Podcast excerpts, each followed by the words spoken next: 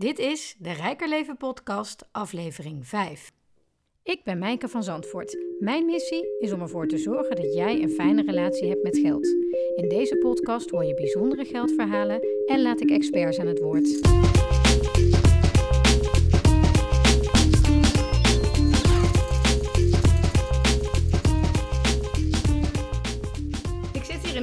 Bij Gerard van der Made in zijn prachtige appartement aan de gracht Op een stralende mooie dag. op een stralende mooie dag. Gerard is executive business coach, trainer en life planner. Exact. En over die eh, zaken kom ik jou bevragen in eh, deze Rijker Leven podcast, Gerard. Leuk, welkom. Ja, Ja, dank je. Ehm, als ik aan jou vraag wie ben je, wat doe je? Ik heb natuurlijk net al een beetje omschreven welke labeltjes. ja. Wat, wat is dat, een executive business coach? Nou, als je vraagt wie ben je, wat doe je, dan is het antwoord ik ben Gerard en ik doe Gerard. Ehm, als je vraagt wat is executive business coaching, dat betekent dat ik Gerard ben, eh, met name in boardrooms, met name in directie- en managementkamers.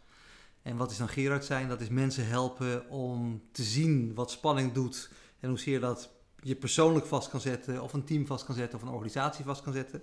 En wat ontspanning doet en hoezeer je dat persoonlijk als team of als organisatie vrij kan zetten en in beweging kan brengen. En ik verbind dat vaak met het thema geld, omdat geld een van de mooiste thema's is waar dingen stollen of waar dingen gaan stromen. En dat is de link die ik met Financial Life Planning heb. Eh, En daar komt alles bij elkaar. Wat fascineert jou aan geld? Geld is een, is een heel mooi thema. Niet mooier of minder mooi dan een ander thema, maar het is een heel praktisch thema waar heel veel mensen heel veel emoties aan hebben gang. In de loop van hun leven, in de loop van de jaren. Eh, als je door de geschiedenis kijkt, dan is het een thema wat eigenlijk altijd mensen heeft vastgehouden. Eh, niet in de zin van tegengehouden, maar vastgehouden in de zin van daar geven we betekenis aan, daar vinden we iets van, daar voelen we iets bij. Of daar voelen we niks bij. Ja, dat vinden we eng of dat vinden we leuk, vinden we gaaf, vinden we spannend, vinden we top, vinden we blij, vinden we moeilijk, vinden we nou, en, enzovoort. En dat zie je eigenlijk overal terug. Dus, dus overal waar mensen bij elkaar komen, en, ik zit dan vaak in de organisatiecontext, zie je dat denken over geld en denken over resultaat, is natuurlijk organisatietaal, resultaatgericht, dat dat dingen doet met spanning en ontspanning. En dus eigenlijk met effectiviteit. En merk jouw ondernemers dan ook wel eens dat ze, hoe ze over geld denken in hun bedrijf en hoe ze als persoon in hun privé over geld denken, dat dat dan van elkaar verschilt? Nou, dat, dat proberen ze soms. Maar dat is, natuurlijk, dat is natuurlijk iets wat niet kan. Dat is een van mijn hobby's, om, dat- om dat af te pellen. Dat, eh, daar waar we een scheiding maken tussen zakelijk en privé, of tussen eerder, nu en later. eh, dat is oké. Dat is mentaal is dat prima. Maar dat, dat werkt niet zo. Dus, als, dus als, ik een, als ik een bepaald geldsysteem in mezelf opberg of bewaak, waarbij ik heel erg bezig ben om tekort te voorkomen, of waarbij ik heel makkelijk alles laat stromen, misschien wel te makkelijk, of daartussenin, waarbij ik, waarbij ik heel evenwichtig in me omga, neem ik dat ook mee naar waar ik wat doe. In een organisatie kun je natuurlijk wel dingetjes oplossen. Dus als ik de rol van de CEO pak, kan ik ervoor zorgen, en ik stel je voor, ik, ik heb een gat in mijn hand aan alle kanten. Dan kan ik ervoor zorgen dat ik een COO aanstel, eh, CFO, sorry, financial officer, die, die dat heel erg goed kan bewaken. Ja, ken Dan- jezelf is het. ja, eh, dan los ik het op. Dat is Mhm. geen probleem. Eh, maar ik neem mijn eigen patroon altijd mee. Ja. Ja. Er is geen verschil tussen de, de ondernemer en de privépersoon. Nee. Nee, dus hooguit is dat je, dat je iets in, de- in, de, in, in de vormcontext ietsje de accenten anders legt. En dat is prima, dat is een bewuste keuze. Maar, dit, maar in wezen is natuurlijk geen verschil. Financial Life Planning is een methode ontwikkeld door George Kinder. En hij heeft daarbij de Seven Stages of Money Maturity geformuleerd. De zeven stadia van geldvolwassenheid. Ja. Kun je daar wat meer over uitleggen? Ja, het is altijd lastig om dat eh, in, in korte tijd heel goed te doen. Maar waar het in essentie op neerkomt, is dat we, dat we allemaal een, een systeem meekrijgen, gewoon vanaf onze geboorte in onze kindertijd. Die, die doorgroeit naar onze volwassenheid. Een systeem van aannames over de werkelijkheid. Eh, en zijn stelling is, die aannames zijn allemaal onschuldig op zich, want, eh, want dat is helemaal geen punt. Maar, maar iedere aanname heeft wel zijn eigen uitwerking. Eh, voorbeeld, als ik geloof dat ik, wie voor een dubbeltje geboren is, geen kwartje wordt. Altijd een simpel voorbeeld, omdat het een mooi spreekwoord is. Ehm, dan, dan hecht zich dat in mijn systeem. En op het moment dat ik dat, dat ergens in mijn systeem hecht, dan krijgt dat ook betekenis in mijn systeem. En als het betekenis krijgt, ga ik er bewust of onbewust, vaak onbewust, naar handelen. Zijn stelling is dat al die onschuldige aannames, in dit geval specifiek over geld, dat die iets doen met hoe je kijkt naar de wereld van geld en betekenis. Ehm, en, en zijn aanname is ook dat als, als je een heleboel van dat soort eh, aannames verzamelt, of nou spreekwoorden zijn of familieuitingen, typische dingen die, die in het gezin altijd werden gezegd of gedaan of gelaten, dat dat ergens eh, iets vast kan zetten of vrij kan zetten. En vaker zie je dat sommige dingen iets vastzet dan dat het vrijzet. Omdat je het als kind ook echt naar binnen haalt. Je adopteert het in je systeem. Je adopteert veel meer dan dat je bewust bent. En als je zoveel jaren later bewust wordt van hoeveel je eigenlijk adopteert, dan is het nog niet zo eenvoudig om dat zomaar los te laten, want het zit echt in je systeem. De, eerste jaren waren je ouders of degene die om je heen waren, waren bepalend voor hoe je naar de wereld bent gaan kijken. En, en, later pas ga je zelf nadenken of je dat ook vindt. En dan heb je nog weer een periode te gaan voordat je weet of je het aan het nadoen bent. Of via afzetten eigenlijk nog steeds bezig bent met het nadoen. Maar dan in een, eh, in een tegenovergesteld perspectief. En dan noemt hij dan de Circle of Pain and Innocence. Exact. En wat komt daar vervolgens na? Exact. Als je, als je daar bewust van wordt, want het gaat om bewustwording. Dus herkennen en erkennen van dat je in dat soort cirkels zit. En dan zitten we eigenlijk allemaal wel in, in bepaalde vorm of in een bepaalde fase. Zegt hij, dan gaat het erom dat je voor jezelf gaat ontdekken. Wat heb ik nou eigenlijk nodig aan kennis eh, over mezelf. Of aan kennis over geld. Of aan kennis over wat voor ander thema dan ook. Om te kunnen gaan verstaan op een gegeven moment wie ik werkelijk ben en wat ik echt belangrijk vind. En dat noemt hij understanding echt verstaan van waar droom ik nou van? Wat, waar, waar, geloof ik nou eigenlijk in? Wie ben ik ten diepste? Als ik alles wat ik heb geleerd loslaat mm en ik ga eens in de menaki voor de spiegel staan, wie kijkt me dan aan? En, en waar droomt die man van of die vrouw? En wat, wat, waar verlangt hij naar? En waar is hij bang van? En wordt hij blij van? En vanuit het idee dat als je, als je voor jezelf formuleert wat je echt belangrijk vindt, als je dat echt kernachtig vastpakt, dan zit daar zoveel energie in dat je in staat bent om met die energie, en dat noemt hij vigor, en dat is een prachtig woord voor moedkracht, daadkracht, energie, ben je in staat om een beweging te gaan maken om datgene wat je weet, waarin je misschien in een cirkel zat, wat je zou kunnen, als je dat wil, zou kunnen doorbreken. Vanuit het perspectief waar je heen wil. Eh, als je dat helder hebt, dan heb je, dan heb je een leidmotief. Eh, de kracht te verzamelen, of nou de kennis te verzamelen. Eh, soms de inzichten te verzamelen of wat hulp te verzamelen. Om daar een patroon te doorbreken eh, en jezelf vrij te zetten in de richting van wie je wilt zijn. En dat mag, dat mag natuurlijk alles zijn, want dat bepaal je helemaal zelf. En op het moment dat je dat proces doormaakt, hij, hij, woont op Hawaii voor een deel van het jaar. Dan zegt hij altijd, dan kom je in een state of aloha. Eh, want dat geeft een heel gelukzalig gevoel. Dat is ook zo. Het is heel goed vergelijkbaar met flow. Dus hetzelfde proces, hetzelfde, hetzelfde effect. En wat je ziet, en dat vind ik zelf een heel charmant bijverschijnsel... is dat bijna automatisch er een beweging ontstaat dat je iets wilt doen ook voor je omgeving. Dus, dus er zit een soort van maatschappelijke component in. Heel klein of heel groot, dat is heel verschillend. Maar bijna iedereen die dit met zichzelf meemaakt, die voor zichzelf aan het ontwikkelen is... wil ook iets gaan delen met de wereld om zich heen. Kun je je nog herinneren dat jij voor die spiegel stond en uh, naar jezelf keek en dacht... Uh, hè, dat je voor het eerst je bewust werd van... hé, hey, ik, kan zelf, ik heb zelf invloed op mijn gedachten hierover en ik ga dit nu anders doen. Kun je je dat nog herinneren ja. bij jezelf? Ja, dat, dat, zijn, het zijn verschillende momenten. Als ik naar mijn leven kijk, zijn het altijd verschillende momenten. Dus het is een, het is een verhaal in, in episoden. Maar de eerste keer dat ik, dat ik heel bewust was van wat ik belangrijk vond, dat weet ik nog heel goed. En dat is ook het moment dat ik voor mezelf besloten heb dat ik, eh, dat ik uit het onderwijs zou gaan en ondernemer zou worden. Ja. Want je bent theoloog van oorsprong. Nee, ik heb wel theologie gestudeerd. Oh, dat is oké. Je hebt theologie gestudeerd. Dat is inderdaad iets anders dan theoloog. en dat heb ik, heb ik, onderweg afgebroken. Uh, ik heb, ben een leraaropleiding geschiedenis gaan doen. Ik heb voor de klas gestaan. Heel erg gaaf gehad. Ik heb het echt super gaaf om met kinderen te werken. Met, met, vooral kinderen met leren- en gedragsproblemen. En daar ontdekte ik eigenlijk mijn talent veel meer voor wat er tussen die oren gebeurt. En dat ben ik gaan volgen. En vanuit het volgen van dat talent ben ik er op een gegeven moment achtergekomen dat ik niet helemaal in het onderwijssysteem paste met wat ik zou willen. En via een vriend, die op dat moment directeur was van een grote verzekeringsmaatschappij, ben ik eigenlijk gaan proeven aan het veld wat groter was dan het veld wat ik kende. En daarna ben ik allemaal opleidingen gaan doen en, en trainingen en een periode voor een bedrijf gewerkt. Tot ik 14 jaar geleden en eh, mijn eigen handtekening, dat is weer zo'n moment dat ik voor de spiegel stond dacht ik, hé, hey, nu ga ik eh, mijn eigen handtekening op mijn eigen deur schroeven en ga het eh, op eigen naam en titel doen. Ja. En heb je inmiddels na al die jaren dan ook je aloha-momentjes al beleefd? Meerdere, ja, gelukkig wel. Vertel. Ja, heel veel. Nou, de eerste, eerste aloha als ondernemer, ik denk dat iedere ondernemer dat heeft. Op het moment dat je een idee hebt van wat zou ik als waarde kunnen toevoegen, waar je echt in gelooft, uh, en je gaat dat uiten, dan, dan is die reis van het idee naar de uiting is spannend van de uiting naar de praktijk is heel spannend. En als dan in de praktijk blijkt dat mensen ergens iets van energie bij je voelen, of, of het verhaal is gewoon kloppend, of nou, eh, op de een manier trekt er, trekt er iets aan en de eerste mensen melden zich om met jou te werken. Eh, of in mijn geval door je, door je gecoacht te worden. Eh, ja, dat is, een, dat is echt een big aloha. Dat is echt met een vette grijns door het huis heen gaan. dat, is echt, dat is geweldig. En als je dan ontdekt dat je, dat je heel veel kan, maar ook heel veel nog niet kan. En je begint te ontdekken dat er allerlei vormen zijn en opleidingsmogelijkheden om bagage op te doen. Dan is het iedere keer dat je weer een stuk groeit, want dan kom je altijd jezelf tegen. En dat is, dat is ook een big aloha. Dus ik, ik groei met mezelf en daardoor groeit mijn praktijk als ondernemer. En, en iedere keer ja, is een beetje deze vuist op deze vuist. Het, het ome Willem effect. Zo klim je naar boven en dat is echt aloha. En ehm, dan gebruik je de tools die uh, life planning met zich meebrengen, het, het Evoke-systeem. Ja. Waarbij je mensen door een aantal stadia heen haalt om te kijken wat drijft je nou ten diepste Ja. en hoe, ehm, eh, hoe, hoe maak je er een plan voor om dat daadwerkelijk te gaan doen. Mhm. En om met andere mensen een goede life planning te kunnen maken, moet je dat zelf doorleefd hebben, is jouw visie. Eh, en daar ben ik het volledig mee eens. ja. Ehm, wat was jouw life plan? Want we zitten hier in een mooi appartement in Utrecht. En dat is wel heel, heel duidelijk onderdeel geweest van jouw hele bewuste life plan. ja. Kun je ja. daar wat meer over vertellen? Ja, eh, mijn life planning is be- begonnen bij toen, ik kende George Kinder nog niet en zijn, zijn methodiek. Het is begonnen met dat ik ontdekte dat ik een ondernemer wilde zijn, dus dat dat in me zat. Ehm, en dat ik dat vorm heb gegeven, dat is stap 1. In dat vormgeven kwam ik Ivo Valkenburg tegen. Eh, we hebben een aantal jaren heel intensief samengewerkt in de financiële wereld.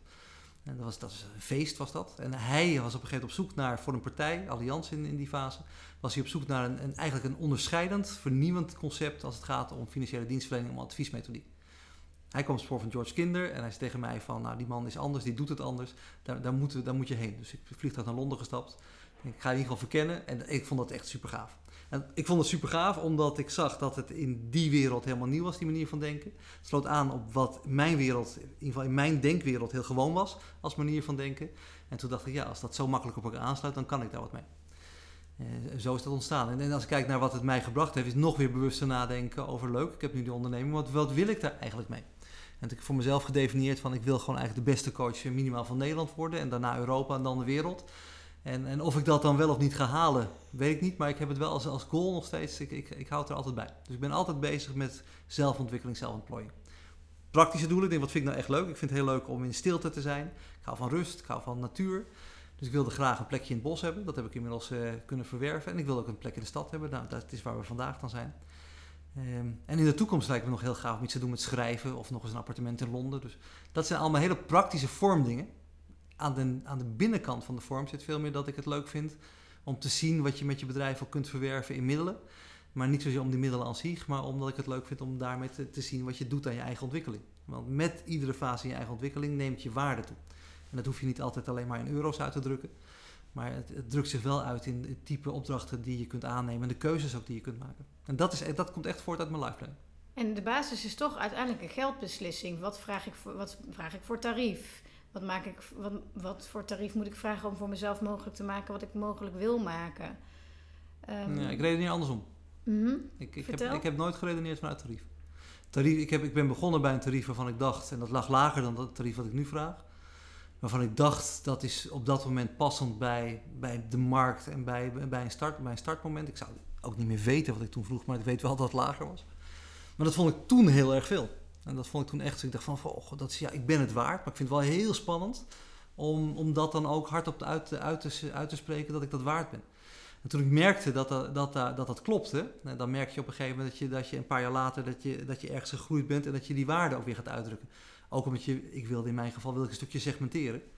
Eh, om te voorkomen dat ik op een gegeven moment geen ruimte meer had om het te blijven ontwikkelen. Mijn, mijn, en dat is misschien wel de essentie van mijn life planning. Mijn onderneming is mijn ontwikkelinstrument. Dus zolang ik kan spelen met mijn onderneming in de zin van ik kan me ontwikkelen, is het oké. Als mijn onderneming mij opeet, dan vind ik het niet leuk meer. Dus dan, dan ga ik wat anders doen. En, en dat, dat probeer ik goed te bewaken. Daar is tarief wel een onderdeel van. Want tarief is een mogelijkheid om, om daarmee te spelen. Ja, dat is ook wel wat ik bedoelde. Dus, eh, eh, en, een, en een fijnere manier om ook om te gaan met, eh, met dit stuk wat veel mensen heel moeilijk Ja. vinden. Ja, dit, dit is heel, eigenlijk is het heel simpel. Je moet gewoon doen waar je heel blij van wordt. En als je dat doet en, en je zorgt ervoor dat je daar expert in wordt. En dan, en dan is mijn hobby wel een beetje om altijd ne- net een eh, klein, eh, klein stukje voor. Daar is een link met topsport om net iets voor te lopen als het even kan. Eh, Dan volg je tarief daar automatisch op. En dan heb je nog wel de vertaalslag nodig, dat je voor jezelf het ook logisch vindt. En dat je ook de kracht hebt om te zeggen, of de moed om te zeggen, maar dan, dan uit ik het ook op die manier. En hoe ervaren je ook bent, ik begeleid heel veel echt multimiljonairs. Hoe ervaren je ook bent en hoe rijk je ook bent, dingen in geld uitdrukken, blijft altijd haken ook aan een stukje emotie. En dat vind ik natuurlijk ook weer heel fascinerend. Ja, dit vind ik ook het allerfascinerendste. Ja. Daarom ben ik Rijke Leven begonnen natuurlijk. Want waarom, wat, wat is jouw eh, idee van waarom geld zo'n enorm taboe toch blijft? Ja, goede vraag. Je ziet het nu bij, eh, bij Astrid Joost, hè, dat die, die quizt het programma over wat verdien je nou eigenlijk. En waar zij dan haar eigen salaris noemt en de ophef die dat meteen veroorzaakt. Ehm, ik, ik, denk dat het te maken heeft met dat, dat, we, dat we allemaal een stukje erkenning zoeken. En, eh, en, dat we erkenning en waarde zijn gaan combineren met een bedrag. En of het dan een waarde is voor een product, een waarde is voor een dienst, of heel spannend als ondernemer, zeker als je zelf je dienst bent. Uh, de persoon die de dienst levert, uh, de kwaliteit van de dienst die, die wordt afgenomen, de waardering die mensen uitdrukken in, in met je in zee gaan, maar ook in het, het waard vinden wat ze daarvoor over hebben. Het bepalen van een waarde op een gegeven moment. Ja, ik denk dat het allemaal te maken heeft met identiteit en erkenning. Dus, eh, en, en aan de andere kant met integriteit. Dus, dus hoe integer ben je als het gaat om het vertalen van. En wat heb je ervaren op het gebied van integriteit bij andere mensen? Exact. Eh, ja. Uh, ik noem maar even een woekerpolis nou ja, ellende. Of, hè? Ja, daar, daar, daar, hangt het direct mee samen. En wat, heb, en wat ben je gewend vanuit, vanuit gezin en opvoeding? Uh, voor de een is een tientje heel veel, voor de ander is een tientje is helemaal niks. Dus de, dat, heeft, dat bepaalt heel veel wat geld en emotie met je doet. Maar het gekke is dat, het, dat als een tientje veel voor je is, of een tientje is niks voor je, dat dat niet uitmaakt in de ontwikkelreis die je doormaakt. Als het gaat om het uitdrukken van je waarde. En als je het over communicatie, jij zegt ah, een tientje en iemand anders, voor iemand anders is hetzelfde tientje veel. zo anders. Ja. Hoe, heb je daar voorbeelden van hoe dat mis kan gaan? Of hoe, uh...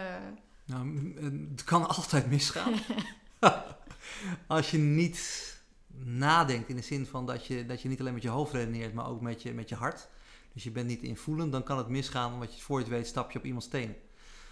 Ehm, dat is heel vervelend, dat zal ongetwijfeld bij mij ook een keer gebeurd zijn. Ik zou niet meteen een voorbeeld weten, maar het zal vast gebeurd zijn.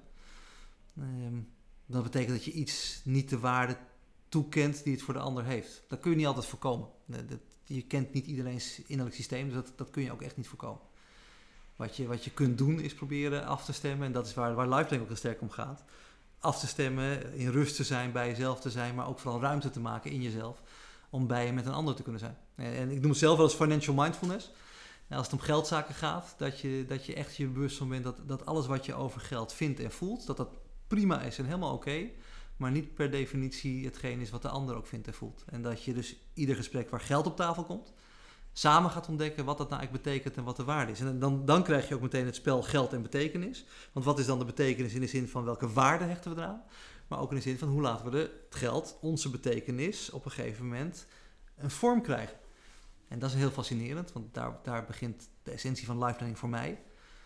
We denken heel vaak, veel vaker dan dat ik vroeger dacht, dat we sommige dingen niet kunnen of nooit kunnen, omdat we het financieel niet kunnen.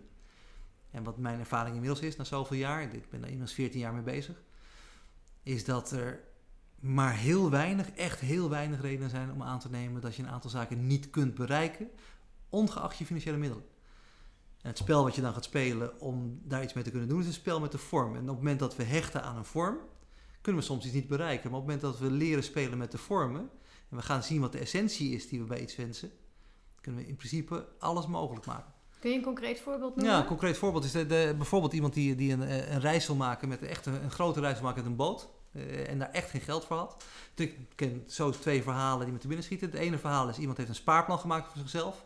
Om op een gegeven moment de middelen wel bij elkaar te maken door keuzes te maken. Door, door heel veel, eh, ik noem het altijd maar van die, van die kleine uitgaven. Kopje koffie op station, eh, extra krantje, leuk tijdschrift. Ach, dat jurkje vind ik toch ook zo gaaf, dat moet ik toch ook nog hebben. Om dat gewoon allemaal in de pot, laat iedere euro mijn droom volgen, te stoppen. Dus dat is echt waanzinnig om dat te zien, wat er dan aan geld vrijkomt. En misschien is dat nog wel het bijzaak, maar wat er aan energie bij vrijkomt om geld te gaan verzamelen en bij elkaar te brengen. En wat dat weer aantrekt ook in je omgeving van mensen die je dan iets gaan gunnen. In de zin van een verjaardag wel vieren, eh, maar op een Amerikaanse manier. Waar mensen niet alleen eh, lekkere hapjes en drankjes meenamen, maar het ook leuk vonden om het project te sponsoren. Waar gebeurt verhaal? Dat is één verhaal. Ander verhaal, dat iemand dacht dat het in de vorm zat dat je zelf een boot moest hebben. En toen die eruit was, eh, in de zin van het gaat helemaal niet om de boot hebben, maar het gaat om op de boot zijn. Bleek dat een boot huren en, en later zelfs via vrienden met een boot op pad kunnen zijn, dat dat heel dichtbij lag. En dat is dus echt een vormkwestie. Vorm, waarde, eh, denken dat iets op een bepaalde manier moet. Nou, dat hoeft dus helemaal niet. En nog even terug naar dat stuk uh, geld en taboe. En dat je zei het gaat over erkenning. Ehm, voordat je aan je eigen life planning kan beginnen, moet je ook jezelf dat cadeau geven. En dat heeft feitelijk ook uiteindelijk te maken met een stuk erkenning wat Ja. je zoekt in het leven. Van, nou, mag, eh, mag ik er zijn? Of ben, wa- wat ben ik waard dat ik dit voor mezelf mag wensen? Ja. Wat is jouw ervaring met, met, een, ja, met mensen die die stap durven te zetten? Hoe... Eigenlijk wil ik vragen, er zitten mensen te luisteren naar deze podcast en die denken, goh, wat een mooi verhaal. Wat is nou de eerste stap die je kan maken om dit voor jezelf te gunnen? Ja. De eerste stap die, die ik mensen altijd adviseer om te maken, is, is, zichzelf voor te stellen. Twee, twee dingen.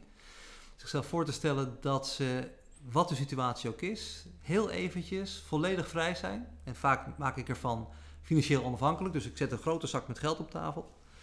En zich voorstellen wat ze allemaal zouden doen of laten. Op het moment dat ze echt niet meer na hoeven denken over of het wel of niet financieel haalbaar is. Dus alles wat je aan aannames over geld hebt zetten we even op het laagste pitje wat mogelijk is. Zelfs dan zullen het er misschien nog wat, maar op het laagste pitje. Om het voor te stellen, wat zou ik dan gaan doen of laten? Wat vind ik dan echt belangrijk? Dat is een, ik noem het altijd een Walt Disney vraag, want dat is een, een fun vraag die wel in het café nog wel eens gesteld worden. Dit moet je vooral doen, want veel praten over dit thema helpt gigantisch. Tweede vraag die ik heel belangrijk vind, is van, stel nou dat je te horen zou krijgen dat je gewoon nog maar een kortere tijd te leven hebt. Of, nog één stap verder, stel dat je vandaag terug zou kijken op je leven. Dit is je laatste dag. Ben je dan de dingen gaan doen waar je als kind van droomde, als, als jongetje, als meisje, dat je dat als volwassene ooit eens vorm zou gaan geven? Ben je de man geworden of ben je de vrouw geworden die je als kind droomde te zijn? Ben je de dingen gaan doen die je belangrijk vond? Of ben je de dingen gaan laten? Ben je gaan laten wat je wilde doen, et cetera? Allemaal dat soort vragen. Ehm, en dan vraag ik mensen al te focussen op het stukje wat ze, wat ze mogelijk gemist hebben. En waar ze mogelijk nog niet aan toegekomen zijn. Of wat ze dan in een kortere tijd, stel je hebt nog een paar jaar, dan heel belangrijk zullen vinden om vooral wel nog aan toe te komen. Vaak is er ook reden om voor heel veel zaken dankbaar te zijn en gelukkig te zijn. En dat vinden mensen ook fijn om te noemen. En dat vind ik ook fijn als mensen dat kunnen noemen. Het is iets om te vieren. En, maar ik vraag ze altijd om dat even te parkeren, om echt even te kijken naar van dat andere stukje. Dat is wat lastiger, want dat voelt anders. Beschrijf dat eens. Eh, Schrijf dat eens op voor jezelf. Of neem eens wat tijd om erover na te denken. Als je dat afpelt, en ik adviseer mensen vaak om dat eerst voor zichzelf maar eens te proberen. En als het even kan, daar iemand eens bij te vragen. En dat is misschien wat het spannendste stukje. Dat iemand even met je mee gaat kijken en daar misschien een vraag op stelt. Het zou je niet verbazen uit mijn mond dat ik dan zeg: neem een geregistreerd lifeplan. dat, is dan, dat is dan weer logisch. Maar dan krijg je altijd, ja, echt altijd een antwoord op wat er nou echt toe doet. En daar begint je reis. Je kunt het leven niet plannen. En je kunt wel plannen hoe je je leven zo gaat leiden dat als het op een dag jouw leven is geweest, dat je kunt zeggen: Dit was ook echt mijn leven. Dit is wie ik ben. Ik heb mijn handtekening gezet op mijn bestaan hier op aarde deze tijd. En, en dan maak je dus toch een maakbaar leven. Want mensen zeggen altijd, het leven is niet maakbaar. Maar ten dele is je leven hartstikke maakbaar. Exact. Ja. Je kunt, je kunt heel veel, je, kunt- je kunt niet voorkomen. Je kunt een aantal dingen misschien ook voorkomen. Je kunt niet voorkomen dat er dingen gebeuren die er gebeuren. Een ongeluk, een ziekte. Misschien kan je met een gezonde leefstijl dingen beïnvloeden. Eh, met een gezonde denkstijl dingen beïnvloeden. Ik ben ervan overtuigd dat, dat, dat daar een stukje ruimte in zit. Maar dat is marge. Want, want een heleboel zaken hebben we gewoon niet in de hand. Dus die zijn niet maakbaar. Maar wat maakbaar is, is dat binnen de tijd dat ik er ben... en met de focus die ik heb, en met de tijd die ik heb... en met de middelen die ik heb... en de manier waarop ik daar mentaal en fysiek praktisch mee omga... eh, dat ik de dingen doe die er voor mij toe doen. En dat gaat uiteindelijk over focus en kiezen. Ja, ja. En het gaat, het gaat soms over, het gaat om focus en kiezen. Het gaat soms over grote dingen waar je van droomt. Het gaat soms over hele kleine dingen. We hadden het net over die boot. En het is wel belangrijk om ook gezegd te hebben... het kan ook over iets anders gaan. Over 10 minuten meer met je kind per dag. Of over een, een, een uur in de week voor jezelf. En voor sommige mensen is een uur in de week voor jezelf hebben... een, een onmogelijk niet voor te stellen iets. Want dat kan niet om heel veel praktische redenen... of dat kan niet om financiële redenen. Nou, dat zullen we dan nog wel eens zien. En, en, en daar begint Lifeplan. Ja. ja. Ik vraag aan mensen in mijn podcast of ze tips hebben voor de luisteraars. Wat, zijn nou, wat zou jij nou benoemen als drie tips als het gaat over ehm, op een prettige manier leren kijken naar en omgaan met geld? Wat zijn jouw belangrijkste tips? Ja. De eerste tip is eh, of je veel of weinig geld hebt. Maakt niet zoveel uit. Zorg er altijd voor dat je een klein potje maakt. Een deel van je geld. Dus je hebt een aantal zaken die moeten gewoon. Eh, je hebt een aantal zaken die kunnen. En je hebt een aantal zaken, dat je houdt een klein stukje over. Een klein potje maakt wat je overhoudt en dat potje in drieën splitst. Of het nou een euro is, 10 euro, 100 of 1000, dat maakt me niet zoveel uit. Maar een potje per maand of per jaar, wat je in drieën splitst, waarvan je zegt een derde deel dat zet ik vast. Dat zet ik vast in een spaarvorm of in een belegvorm. Of op een andere manier, maar dat zet ik vast als reservering. Eh, voor later. Dat, dat is een stukje veiligheid. Voor als er wat gebeurt en ik heb geld nodig. Tweede deel zet ik vast voor een droom. Kan een reis zijn, kan een nieuwe kast zijn, kan, kan een stukje kleding zijn, kan iets voor de kinderen zijn. Voor iets wat ik echt belangrijk vind. En het derde stukje, dat geef ik aan iets wat, me vandaag, deze week of deze maand, heel gelukkig maakt. Eh, het kan iets zijn wat je koopt voor je huis, kan het eten zijn samen, kan bloemen zijn voor een ander, kan iets zijn puur en alleen voor jezelf. Dat, dat, dat is tip 1. Want op het moment dat je gaat spelen met geld en je gaat zien dat je met een simpel systeem, langetermijnborging, doelborging en plezierborging. Wat zit er bij jou nu in het middelste potje? In, het middelste potje daar zit doelborging. Of bij mij persoonlijk, als Ja? het gaat om doelborging, de volgende reis. Ja, ja, oké. ja, waar, gaat, wereldreis. waar gaat hij heen? Weet ik Wereldreis? niet. We, twijfelen of, of we echt een keer helemaal de wereld rond gaan vliegen. En een aantal maanden uit de zaak gaan en, en wat, langer, wat langer weg zijn om een paar landen in één keer aan te stikken. Of toch in stukjes. Het laatste vinden we misschien wat leuks, want dan ben je wat intensiever in een bepaald land. Maar daar zit, daar zit eh, absoluut een reis. Ja, Nou, ja, dus mooi, dat, mooi ook letterlijk, als je me- vandaag mijn bankpasje opent, dan zie je ook, want de, de ING heeft tegenwoordig zo'n leuk appje, dat je kan je een leuk plaatje aanplakken in je spaarpot. Kan je een kleine subspaarpot maken. En dan zie je dan een vliegtuigje en een palmboom. En daar stop ik eh, die, die euro's in. Ja. Oké, tip 2. Tip 2 is dat het allemaal gaat om hoe je denkt. Mindset. Mindset. Dat is dat ontzettend populaire woord tegenwoordig, mindset. Het is echt, alles is mindset. En dat is ook echt zo. En, en het is een populair woord, maar het is ook, het is ook een, een waarheid als een koe. Er zijn ontzettend veel boeken over geschreven. Dus als je daar iets van wil weten, ga er wat over lezen. Of volg er een cursus over. Er wordt Want dat, ga- dat gaat over neuropsychologie dan. Dat gaat, dat gaat inderdaad over neuropsychologie, over, over hoe je denkt bepaalt voor een groot gedeelte wat je doet. En, en dat is gewoon zo. En en dus- wat is wat dat betreft je favoriete boek wat iedereen moet lezen? Oh, dat is een hele goede vraag. Daar zou ik over moeten nadenken. Dat zou ik niet weten, want er zijn zoveel boeken die dan meteen omhoog poppen. Het favoriete boek moet nog geschreven worden, daar ga ik aan werken. Nou, beschrijf, dat ga jij schrijven. ja, daar ga ik aan werken. Nee, ik zou het niet meteen weten. Ik vind, ik, vind, ik vind heel veel dingen. Ik vind op dit moment de boeken van Elke Gerards heel goed, psycholoog uit België. Eh, Mentaal Kapitaal, die, vind, ik- vind ik erg goed. Dromen durven doen, Ben Tichelaar blijft een, eh, een heel krachtig boek als het gaat over mindset. Ehm, ik vind kinderboeken vaak heel erg leuk als het gaat over mindset. Harry Potter is natuurlijk een mindsetboek. Is een waanzinnig boek over mindset. Daar, denk je, daar denk je misschien niet eens bij na als je het leest, maar dat gaat er wel over. En het is ook interessant om te zien dat, dat hoeveel, dat is ook onderzocht, eh, wetenschappelijk onderzocht, hoeveel kinderen een positievere mindset hebben gekregen door te, te zien in, in hun helden dat er heel veel mogelijk is als je ergens in gelooft. Dat is allemaal mindset spul. Ja. Dus dat zou mijn tweede tip zijn. Doe, doe, iets, doe iets met je mindset. Ga onderzoeken hoe je mindset eigenlijk op dit moment is. Eh, zonder daar goed of fout over te denken. Eh, maar onderzoek gewoon hoe is het nou eigenlijk? Waar ben ik op gefocust? Want het, ik heb bij mindset ook altijd... eh, je moet erin geloven op een bepaalde manier. In de zin van, het is bewezen dat het werkt... maar je moet er wel eerst in geloven om er wat aan te hebben. Want anders ga je het niet doen. Dat, eh, ik zou Mindset moet je doen. Is Ja. dat... Ja, ik, ik denk dat dat zo is. Maar ik, ik weet, eh, het gekke is, we, we hebben allemaal een mindset. Dus je hoeft er niet in te geloven. Dus je hoeft ook niet te geloven dat, dat, dat een mindset op een bepaalde manier zetten tot een bepaald resultaat leidt, want dat doe je al.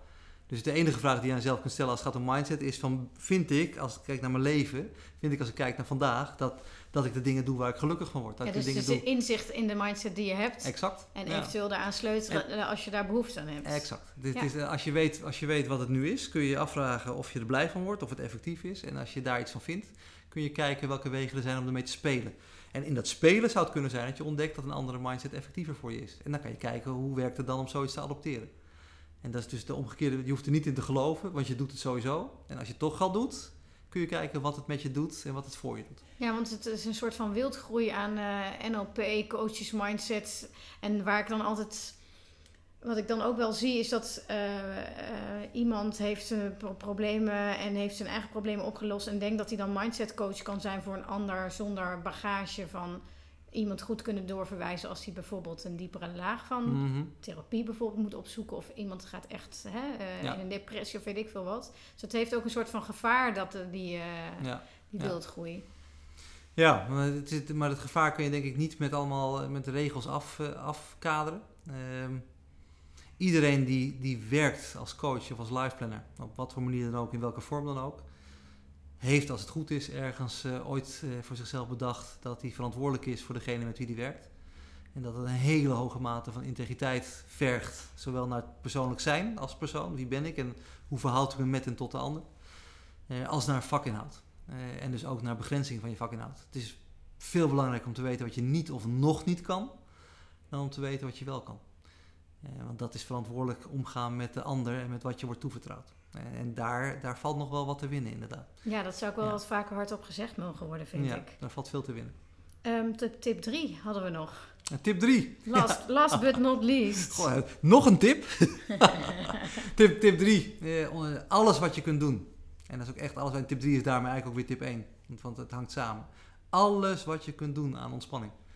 Alles wat je kunt doen aan ontspanning. Alles wat je ontspant. Alles wat je weet dat je ontspant. De grote dingen, de kleine dingen.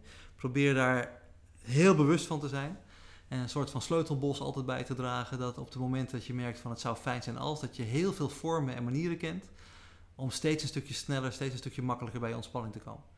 Ontspanning is echt het verschil tussen het een en het ander. Tussen de basis en de top. On- Ontspanning maakt het mogelijk om dingen te doen die je niet voor mogelijk houdt. Ontspanning is echt alles. Ik vind dit drie toptips. Gerard van der Made, Executive Business Coach. Is er iets wat je zelf nog wil toevoegen aan dit gesprek? Hij, hij schudt zijn hoofd van nee. Het is goed zo. Het is goed zo. Heel erg bedankt voor je tijd en voor dit gesprek. Graag gedaan. Dankjewel.